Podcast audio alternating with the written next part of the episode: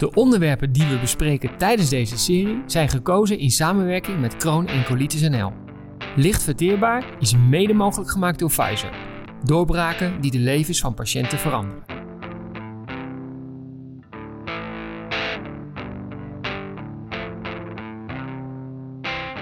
De Europese Commissie noemt het aantal grote stromingen op basis van vier P's: participative, preventative, predictive en personalized. Personalized is natuurlijk bij een chronische aandoening extreem belangrijk.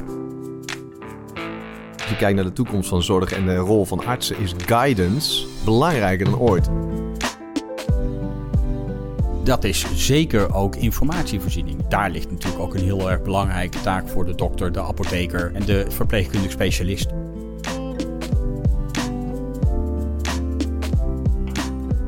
Welkom bij een nieuwe Licht Verteerbaar podcast. Mijn naam is Bob Krijnen, ik ben zorginnovator en presentator en ik presenteer deze podcast normaal gesproken met Maurice Lutgens, MDL-arts, werkzaam in het Elisabeth II Steden Ziekenhuis te Tilburg. En dat is ook letterlijk de reden waarom Maurice er vandaag niet bij is. Hij is aan het werken in het ziekenhuis. En natuurlijk is dat fijn voor zijn patiënten en voor zijn collega's, maar jammer voor ons hier aan tafel. Want het onderwerp van deze podcast is de huidige en toekomstige zorg voor mensen met IBD. Welke trends zijn er zichtbaar? Wat staat ons allemaal te wachten? En wat kan dit concreet betekenen voor gezondheidszorgprofessionals en hun patiënten?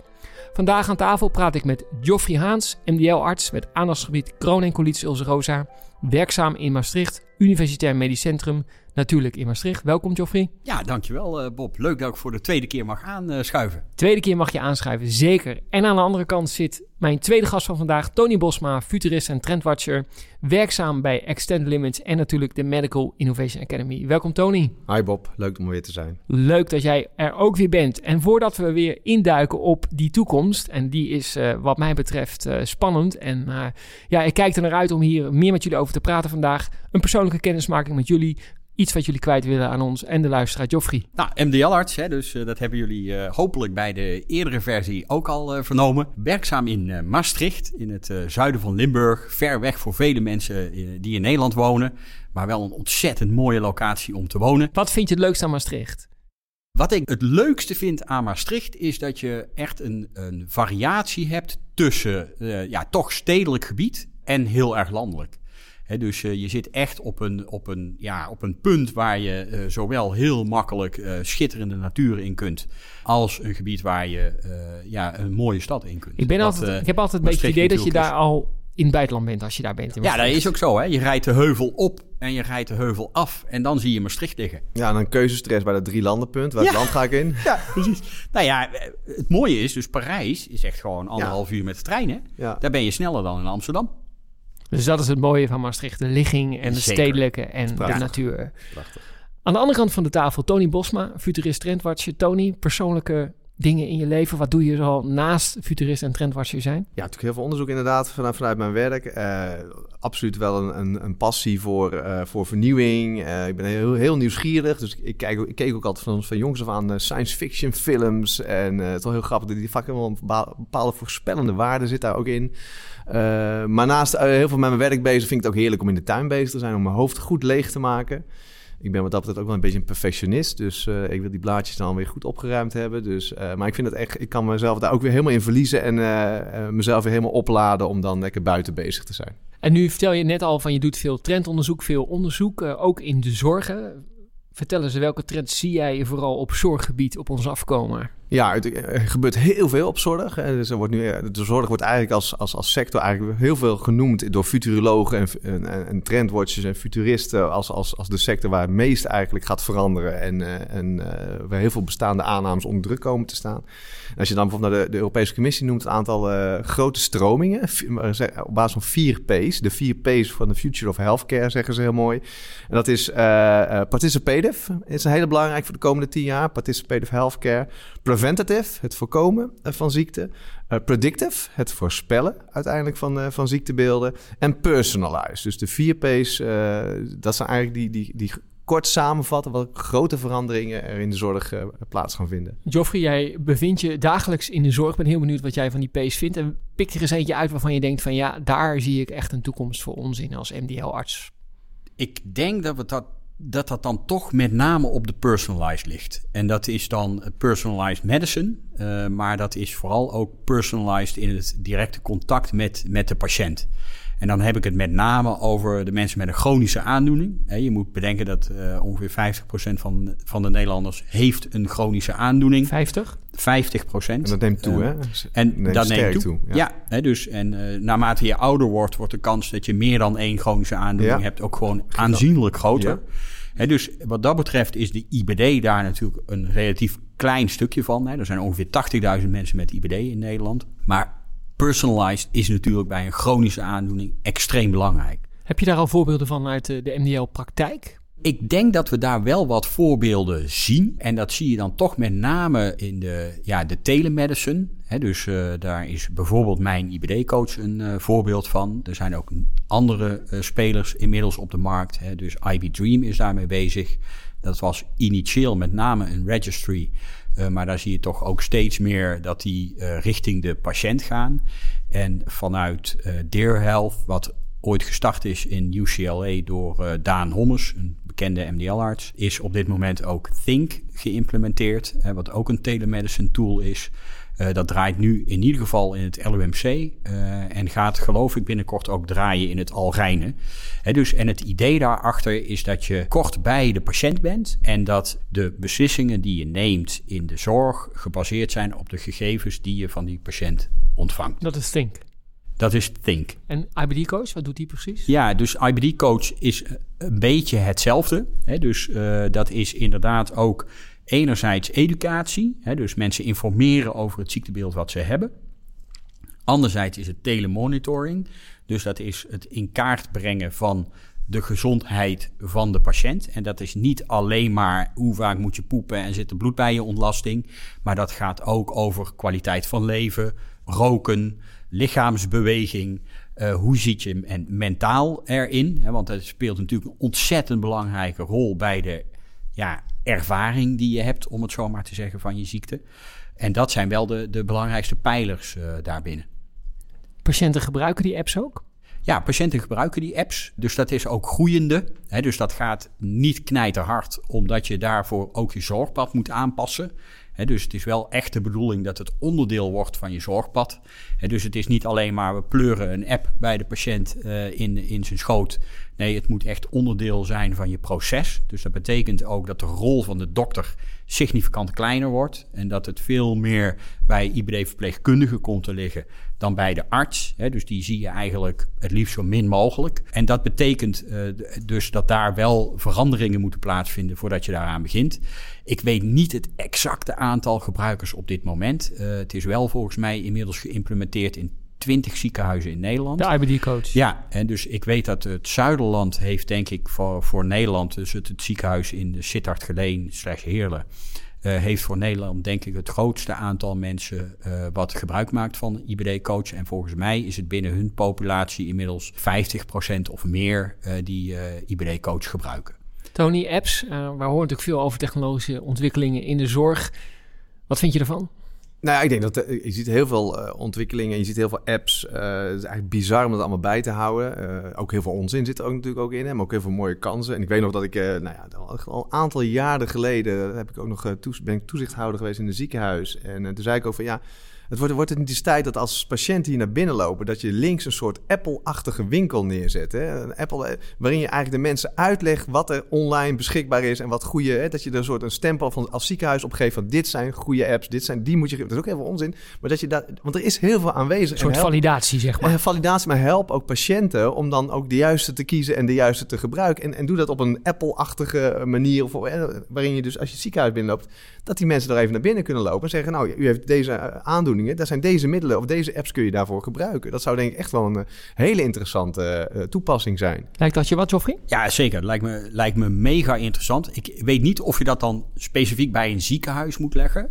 Uh, want wat je heel vaak ziet is dat uh, ziekenhuizen individuele keuzes maken. Uh, dat veroorzaakt ook een beetje dat er een weerwar aan apps zijn die allemaal eigenlijk hetzelfde doen. Maar dan gebruikt ziekenhuis A app X en ziekenhuis B app Y. dus wellicht moet je daar meer richting uh, toch wat beroepsoverstijgende keuzes, om het zo maar te zeggen. Hè? Dus of in samenwerkingsverbanden. Ik heb eerder al genoemd Santion en Proof. Dat die samen als club van ziekenhuizen bepaalde keuzes maken. Uiteindelijk vind ik dat de patiënt zelf moet kiezen. Ik kan me voorstellen dus- dat de MDL-artsen, de Nederlandse Vereniging van MDL-artsen, daar wel een rol in zouden kunnen spelen. Door ja, die kunnen daar zeker een rol in spelen. Maar ik heb daar gisteravond, heb ik daar ook nog eens over na zitten denken. Hè? Dus er zijn nu drie spelers op de markt om het, om het uh, even tot de IBD uh, te beperken. Die zich bezighouden met telemonitoring of varianten daarvan. Dus IBD Coach, Think. Ja, en uh, IB Dream. IB Dream, um, ja. Ehm, en ik denk uiteindelijk dat het de keus van de patiënt moet zijn welke tool hij of zij wil gebruiken. Dat is namelijk iets wat in appwereld niet meer dan normaal is. Dat jij de keuzevrijheid hebt. Eens. Uh, alleen kun je je ook afvragen in hoeverre hebben eh, de patiënten voldoende kennis uh, van al die ontwikkelingen en van die apps en wat is wel en niet goed. En ik denk dat, en dat zeggen ze ook, als je kijkt naar de toekomst van zorg en de rol van artsen, is guidance is denk ik belangrijker dan ooit in, de, in dit tijdperk. Met informatieoverload. Het over, we, bevinden ons in een, in een infopandemie ook. Hè. Weet je, dit, wat, heel veel informatie is echt totale onzin ook als we online kijken. Dus hoe kunnen we nog in die wereld de juiste dingen naar boven halen? De, de juiste apps. En... In dat licht kan ik me voorstellen dat er wel een... Apple Store in het begin van het ziekenhuis staat, waarin zegt van dit zijn gevalideerde apps door ons. Ja, uh, nou, ik denk, ik denk dat, hè, dat je sowieso keuze moet geven in applicaties die gevalideerd zijn, hè, waar een bepaald kwaliteitskeurmerk aangegeven is. Uh, maar wat denk ik ook belangrijk is, is dat er meer dan één keuze moet zijn. Absoluut. Hè, dus uh, ik ben iemand die op dit moment nog steeds gebruik maakt van, uh, van WhatsApp, omdat ik het gewoon al heel lang heb en omdat het voor mij prima werkt. Hè, maar ik denk dat het heel goed is dat je ook kunt kiezen voor Telegram of voor Signal of voor andere messaging apps. De persoonlijke um, keuze blijft daarin wel exact, belangrijk. Hè, dus, En niet elke app werkt precies op dezelfde manier, doet hetzelfde. Dus ik denk uiteindelijk dat het doel moet zijn dat uh, de applicatie een bepaalde basisdataset verzamelt die relevant is voor de behandeling. En, eh, maar hoe dat dan weergegeven wordt en hoe je dat uitvraagt en hoe je die, uh, die data verzamelt, daar kan ik me heel goed voorstellen dat dat toch op verschillende manieren gedaan wordt. Tony, vraag aan jou. We hebben het nu gehad over de IBD Coach, de IBD Dream en Think. Dat zijn, uh, zijn MDL-specifieke ontwikkelingen, apps die er zijn al, die gebruikt worden.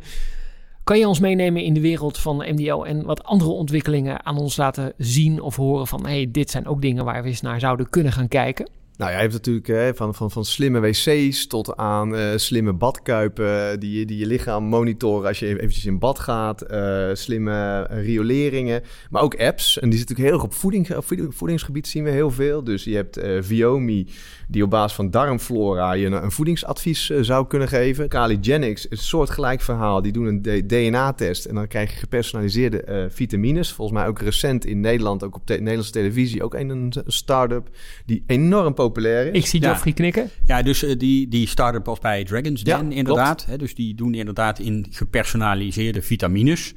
Uh, ik kan niet goed beoordelen in welke mate dat dan uh, wetenschappelijk onderbouwd is, om het zo maar te zeggen.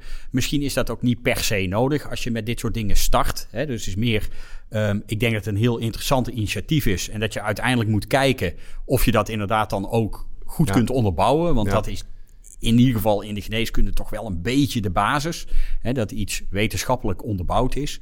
Um, en dat zie je ook met bijvoorbeeld uh, de analyses van het microbioom. Hè. Dus ik heb natuurlijk ook regelmatig patiënten die met name met overzichten vanuit Duitsland komen. Welke bacteriën zij in hun darmen hebben zitten. Het lastige is alleen dat ik daar op dit moment gewoon niet zo heel veel mee kan omdat we die hele interactie van dat microbioom uh, in relatie tot jouw ziekteactiviteit, die kennen we gewoon nog onvoldoende.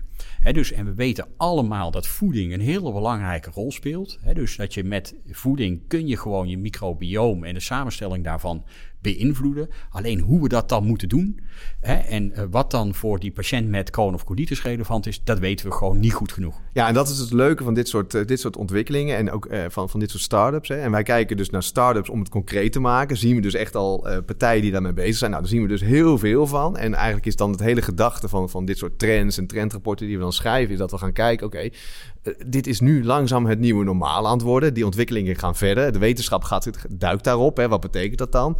Dus het gaat niet echt over de startups, het gaat meer over de, de, de onderliggende trend. En daar zien we gewoon dat DNA, ja, tot tien jaar geleden was het onbetaalbaar om je DNA in kaart te brengen. Tegenwoordig krijg je het bijna gratis bij een pak Krusli. Dat is bizar. De eerste bedrijven hebben het er zelfs over dat ze, dat ze hun medewerkers een DNA-test gaan aangeven. En nogmaals, dat zegt heel weinig, want de leefstijl is net zo belangrijk.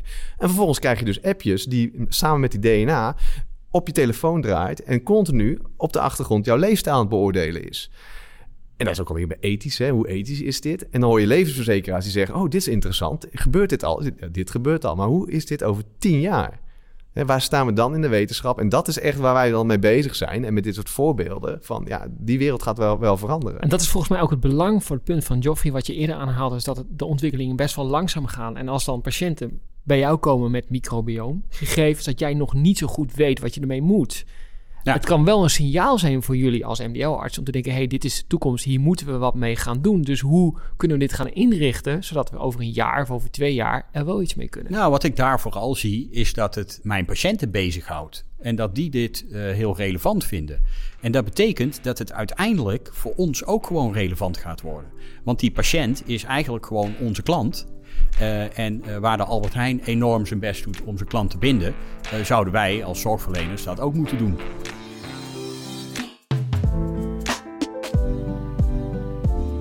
Ik praat vandaag met Tony Bosma, futurist en trendwatcher, en Joffrey Haans, MDL-arts met aandachtsgebied kroon- en colitis ulcerosa.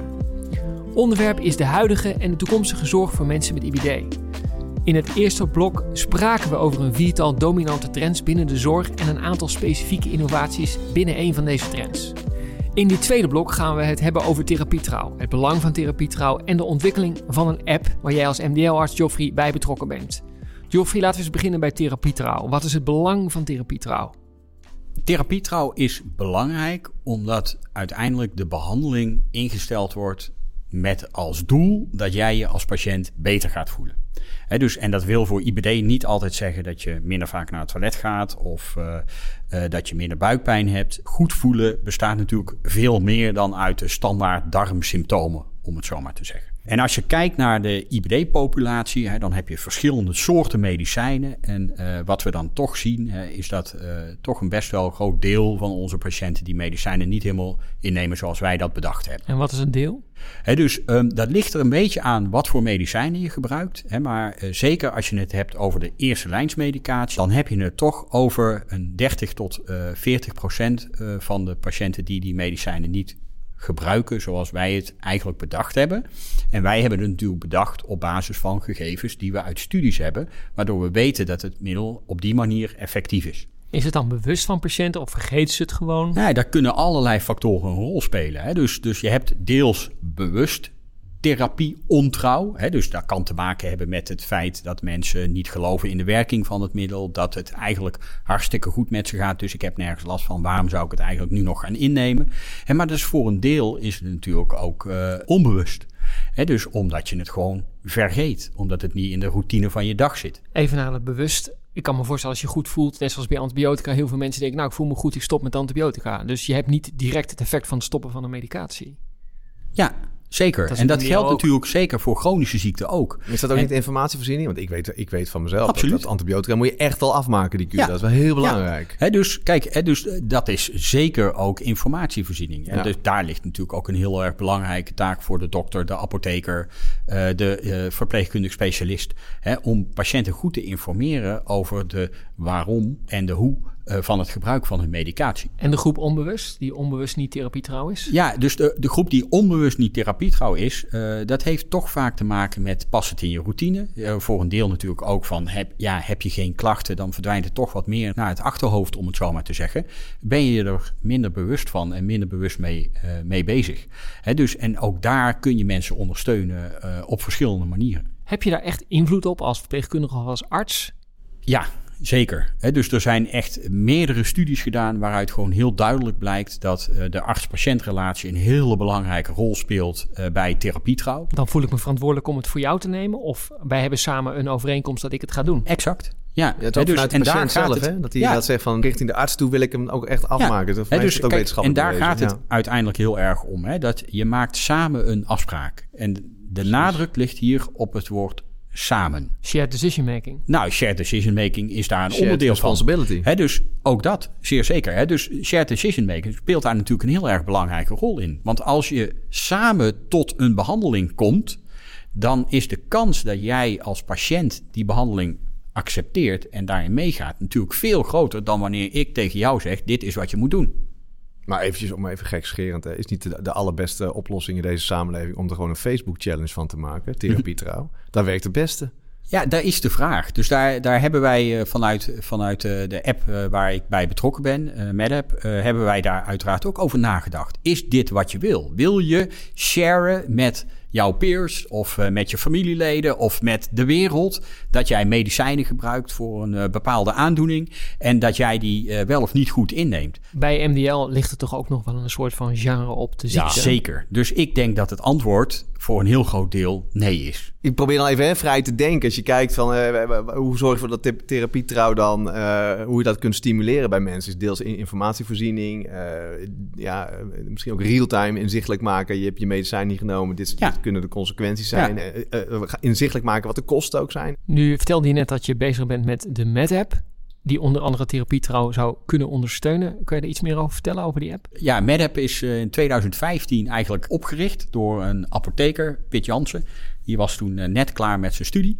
Uh, en uh, een jeugdvriend van hem die, die ja, software science studeerde op de, op de TU in Eindhoven. Nou, ik was toen in halverwege 2016 ben ik daar een beetje bij aangesloten. Omdat ik weer begonnen was met mijn opleiding tot MDL-arts. En ik toch de behoefte had om ook nog iets in de IT te doen. Uh, met name ook omdat, uh, omdat ik nog uh, kortdurend technische informatica had gestudeerd op de TU in Eindhoven. toen ik al wat bejaarder was. Um, en wij zijn toen begonnen eigenlijk met een heel simpele medicatiewekker.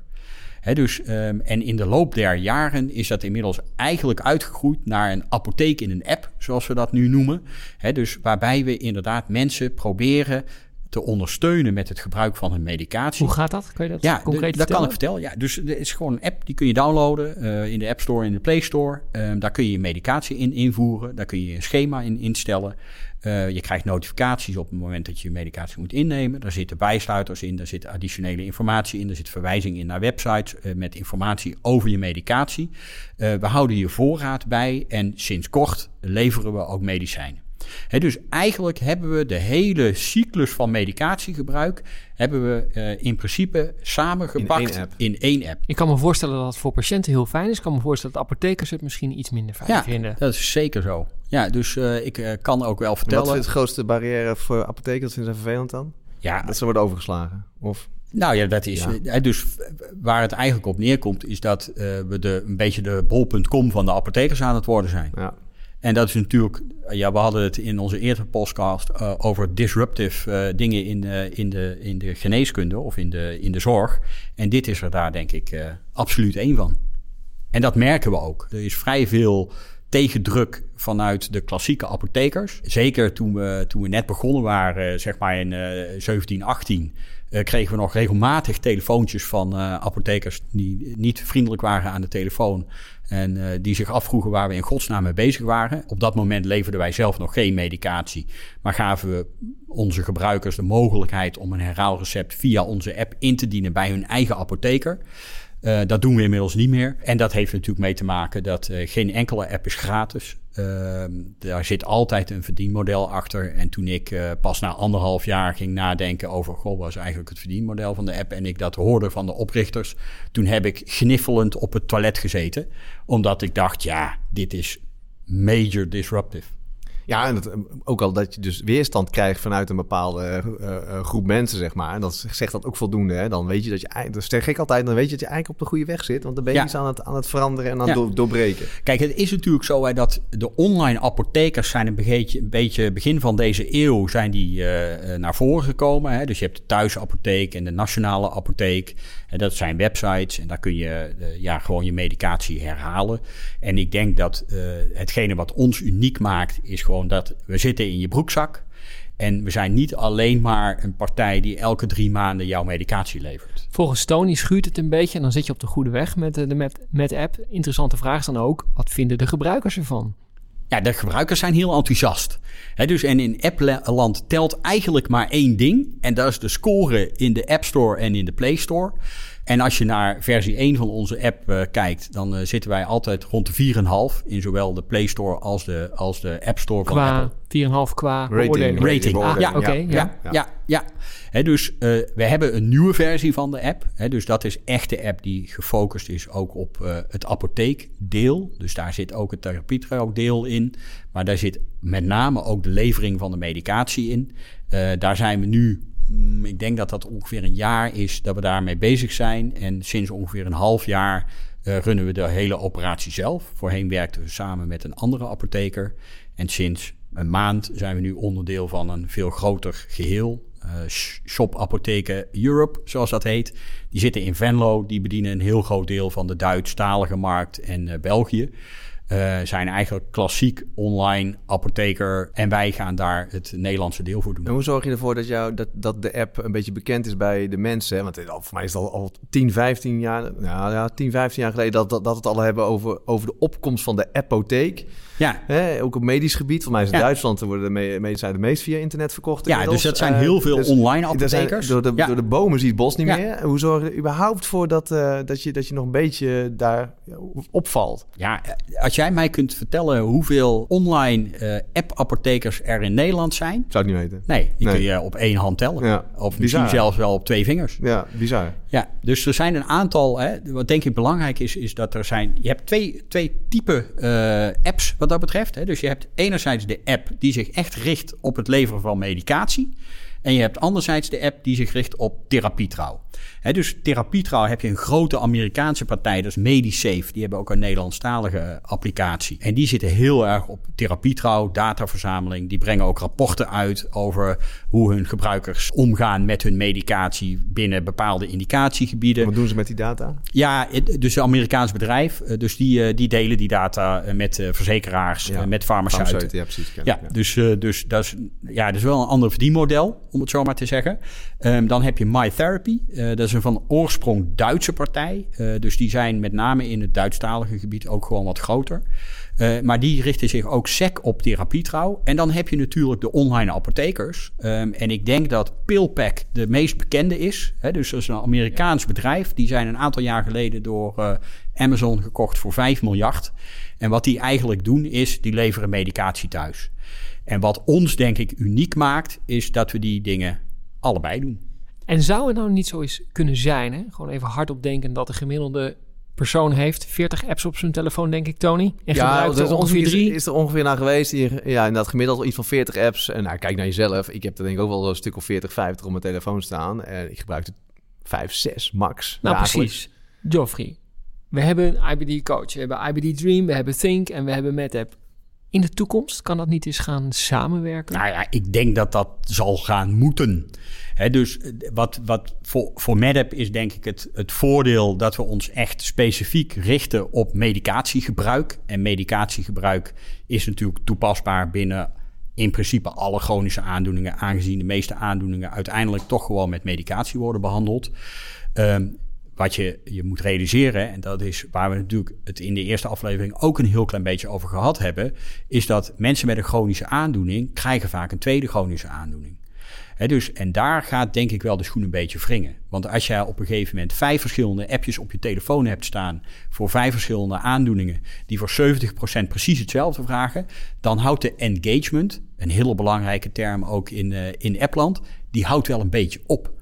Want dan ben je er op een gegeven moment wel klaar mee dat je weer uh, dezelfde, dezelfde vraag moet gaan ja, beantwoorden. Ja. He, dus, dus wat dat betreft denk ik he, dat bijvoorbeeld partijen als Happy, uh, partijen als Sananet, he, uh, als die hun tools op de juiste manier inrichten en ervoor zorgen dat die tool inderdaad gebruikt kan worden voor die verschillende indicaties waarvoor je hem inzet, dat je dan echt golden in de hand hebt. Maar als je kijkt naar de techwereld, de techwereld zit, zit het voordeel van de techwereld en waar ze op zit is vereenvoudiging. Dat Ja. is hun product. Vereenvoudiging, vereenvoudiging, vereenvoudiging. En als je kijkt naar de, naar, gewoon naar de medische wetenschap en de medische wereld, is daar een, een- echt een grote wereld te winnen. En daar gaat de techwereld op zitten natuurlijk. Ja. Nou ja, en dat is natuurlijk ook een beetje waar wij heel erg op willen gaan zitten. Ik zie het echt gewoon zo voor me dat jij op een gegeven moment krijg jij, eh, heb jij eh, bij mij een eh, gesprek en ik schrijf jou een behandeling voor. Ehm, ik geef je de klassieke folder mee, want dat doen we gewoon nog steeds in het ziekenhuis. Daar staat een QR-code op. Die QR-code die scan je. Vervolgens wordt er een app gedownload. Dat kan een MedApp zijn, kan ook iets anders zijn. dus, en dan word je door een flow heen genomen waarbij je uitgelegd wordt... waarom gebruik je dit middel nou eigenlijk? Wat doet dat middel nou voor je? Wat zijn de bijwerkingen die je van dat middel mag verwachten? Want we weten gewoon, als je mensen niet informeert over die bijwerking, de kans is veel groter dat ze ermee stoppen wanneer ze het niet weten, dan wanneer ze het wel weten en die bijwerking ervaren. En dat zijn dingen die je heel mooi in een app kunt doen. Ja. dus je hebt allerlei onboarding processen. Je kent het misschien wel van een app die je wel eens gedownload hebt. Waarbij je dan na twee weken gewoon eens een mailtje krijgt. Of een push notificatie. dus, en dit zijn dingen waar tech heel erg goed in is. Ja, wij denken nog in teksten. En uh, ik heb voor mij al twee, drie jaar geleden heb ik al een... Eh, een nou, ik, ik, ik, wil ook minder in apps denken. Hè, want ik denk apps is ook een tijdelijk iets. Uh, dus we gaan weer... weer we hebben het nu al over virtual humans, virtual doctors. Hè. Je kijkt eigenlijk naar, naar een poppetje. Die zit op je mobiele apparaat, die luistert mee... en die vertelt gewoon wat je moet doen met je medicijnen. Zo simpel is het. Daar gaan we naartoe volgens mij. En daarmee zijn we aan het einde gekomen van deel 2 van deze licht verteerbaar podcast... over de huidige en toekomstige zorg voor mensen met IBD. En je kan ook naar deel 1 luisteren van deze podcast. Dank aan Joffrey en Tony voor de komst naar de studio. Joffrey, leuk dat je er was. Ja, dankjewel uh, Bob. Graag gedaan. Tony? Ja, dankjewel Bob. Was een leuk gesprek. Dank aan Samga voor de techniek en de editing. En natuurlijk als laatste heel veel dank aan onze luisteraars voor het luisteren naar de Licht podcast. Wil je meer informatie over IBD? Kijk dan ook eens op www.pfizer.nl slash IBD. Tot de volgende keer. Tot ziens. Hoi.